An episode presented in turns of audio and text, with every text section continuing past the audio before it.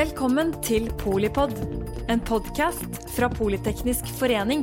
Et kunnskapsbasert medlemsnettverk for bærekraftig teknologi og samfunnsutvikling.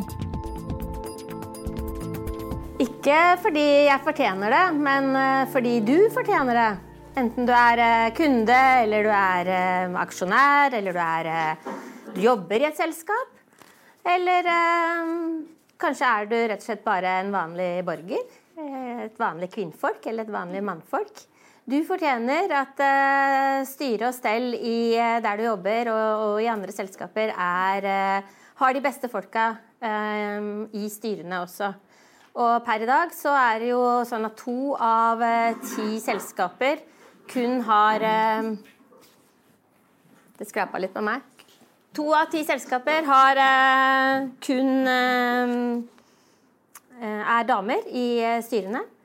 Eh, og så har vi sju av ti selskaper som kun har menn i styrene. Kun menn i 70% av dagens aksjeselskaper i Norge. Så det har vi tenkt å gjøre noe med. Eh, det har næringsministeren tenkt å gjøre noe med. Det ligger et eh, lovforslag på bordet. Det er ute til høring en liten uke til. Det handler om å få 40% av, minst 40% av begge kjønn inn i alle aksjeselskapenes styrer. Med visse unntak. Så velkommen eh, Arne, Anne, Aisha eller eh, Ahmed. Her er alle kjønn og alle aldre velkomne. Vi eh, har 66 minutter på kjøreplanen foran oss. Bare å glede seg. Vi har, fordi du fortjener det, som jeg sa, så har du ti bra damer du kan glede deg med i neste timen. Det er damer som alle har en tilknytning til Politeknisk forening. De har eh, i tillegg ganske omfattende styreerfaring. Og, og, fordi vi skal snakke om nei, ikke kompensasjon, kanskje det også, men, eh, men, i hvert fall kompetanse i styrene. Så starter vi ballet med Anita Krohn Traaseth eh, rett inne fra København.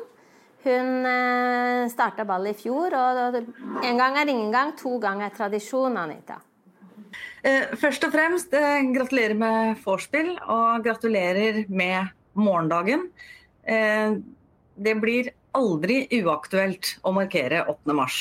Og det skulle gjerne sagt dessverre på det, men tallenes tale og ståa og fakta sånn som det er i dag, så viser det at det fortsatt er et stort behov. Så jeg skal dele noen refleksjoner spesielt rundt det nye kvoteringsforslaget som eh, ligger på bordet nå, som jeg vet at det er eh, delte meninger om. Ok. Eh, jeg har valgt å kalle det for 'nå er det vanlige bedrifters tur'. Fordi det lovforslaget som ligger der nå, skal jo gjelde alle AS-ene våre. Men jeg har lyst til å ta et, et lite tilbakeblikk. fordi hadde du spurt meg om, om, det er behov for kvotering på ledelses- og styrenivå i 1996, da jeg startet som trainee i IBM, så tror jeg nok svaret ville ha vært nei. Jeg kom inn i arbeidslivet hvor vi ble eh, selektert, eh, syv kvinner og syv menn. Og jeg trodde at det er dette her som er eh, standarden. Menn og kvinner har like muligheter. Og eiere og ledelse har stor fokus på det. Og så gikk det ikke så veldig mange år etter 1996. Og hadde du stilt meg det samme spørsmålet i 20, eh, 2001, så er svaret ja. Og selv om vi i Norge, og vi liker å si det, og vi er det også, et av Norges verden og verdens mest likestilte land.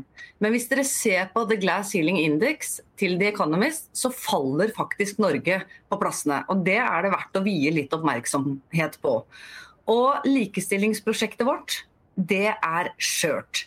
Vi har fortsatt systematiske og dype kulturelle forskjeller og forventninger og de påvirker oss, både menn og kvinner, både i forhold til de valgene vi tar og de mulighetene som vi har i arbeidslivet.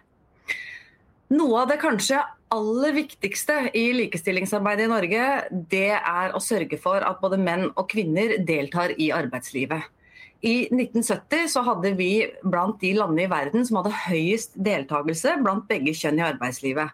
I 2020 så er vi rundt 75, i underkant av 80 Det er noe av det viktigste for et land, det er at vi alle er i arbeid.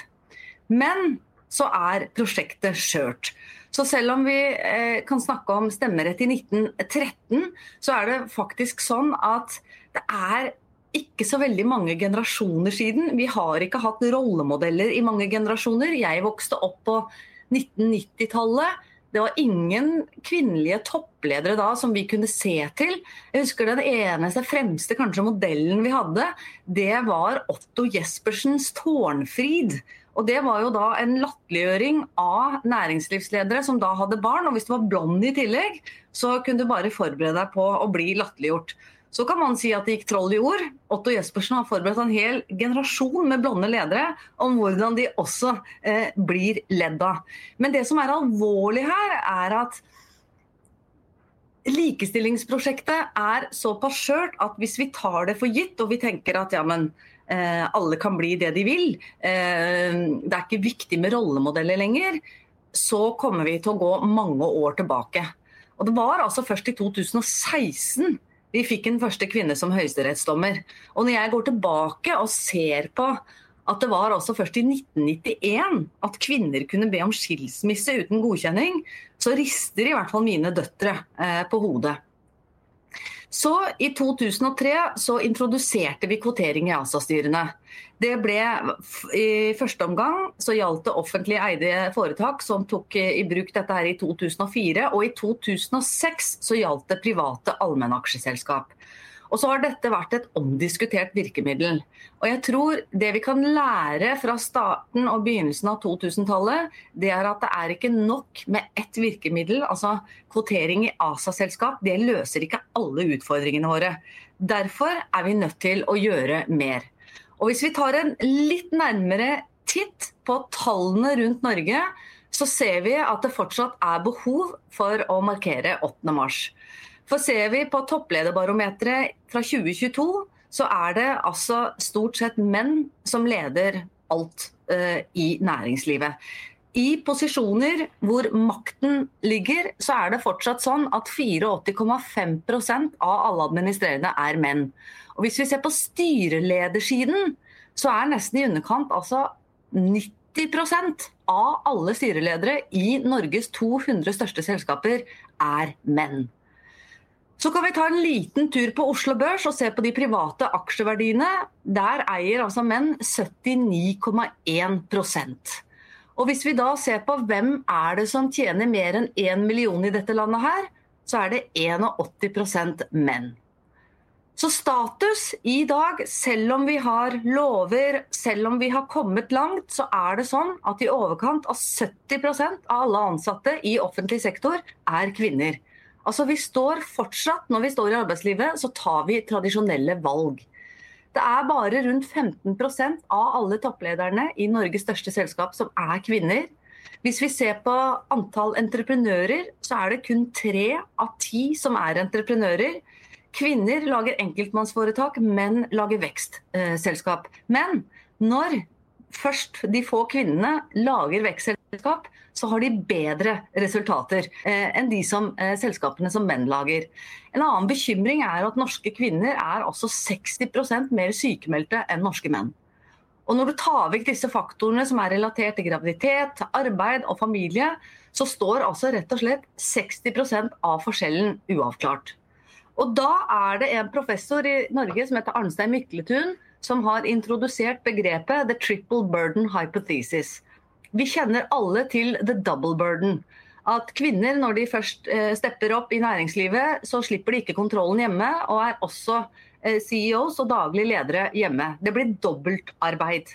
Det tredje elementet som denne professoren eh, introduserer, med rette tror jeg, er dette her at det ligger en forventning og et press som man legger på seg selv, om at i tillegg til å ha en karriere, i tillegg til å ha full kontroll hjemme, så skal man også ha vinklubber, man skal trene, man skal ha et perfekt hjem, man skal ha sosialisering med venner.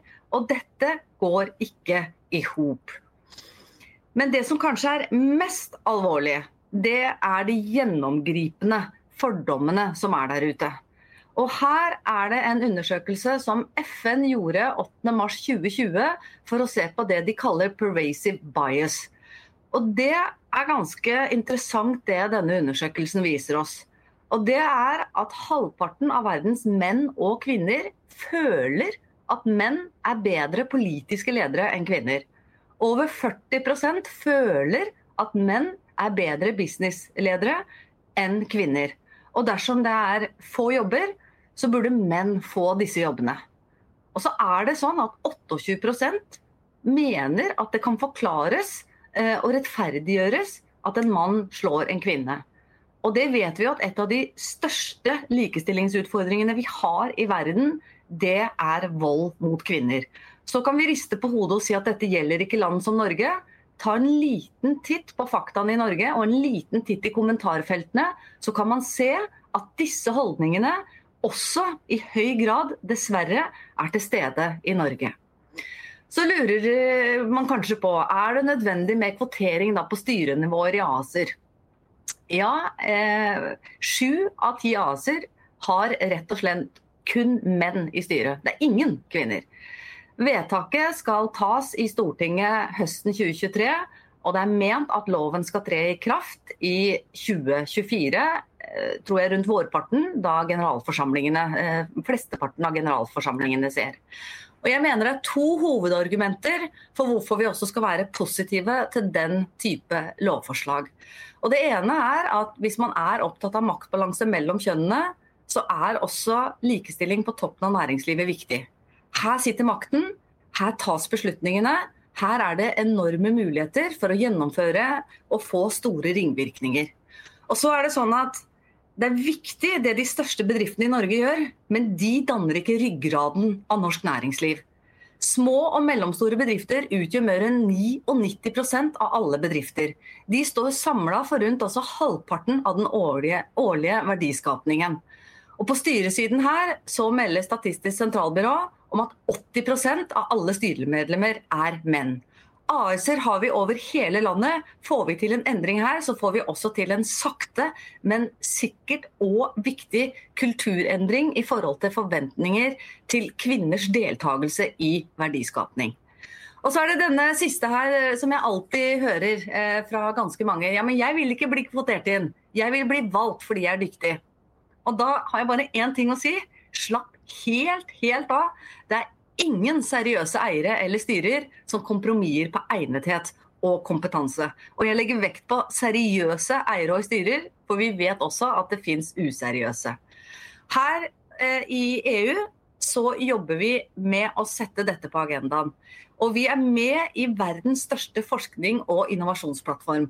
Og når EU tør å ha klare målsetninger og satsinger rundt kvinner, så syns jeg også faktisk at Norge skal ha det. Så her ser vi eh, fem ulike programmer som er dedikert og som er satt av til kvinner.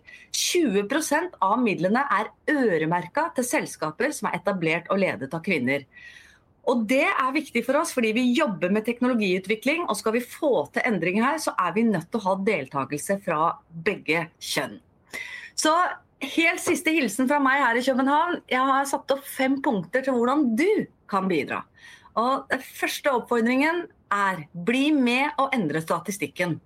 Begynn med deg selv. Gå hele, hele, veien. Enten det er å bli administrerende, styreleder, eier, investor eller starte noe.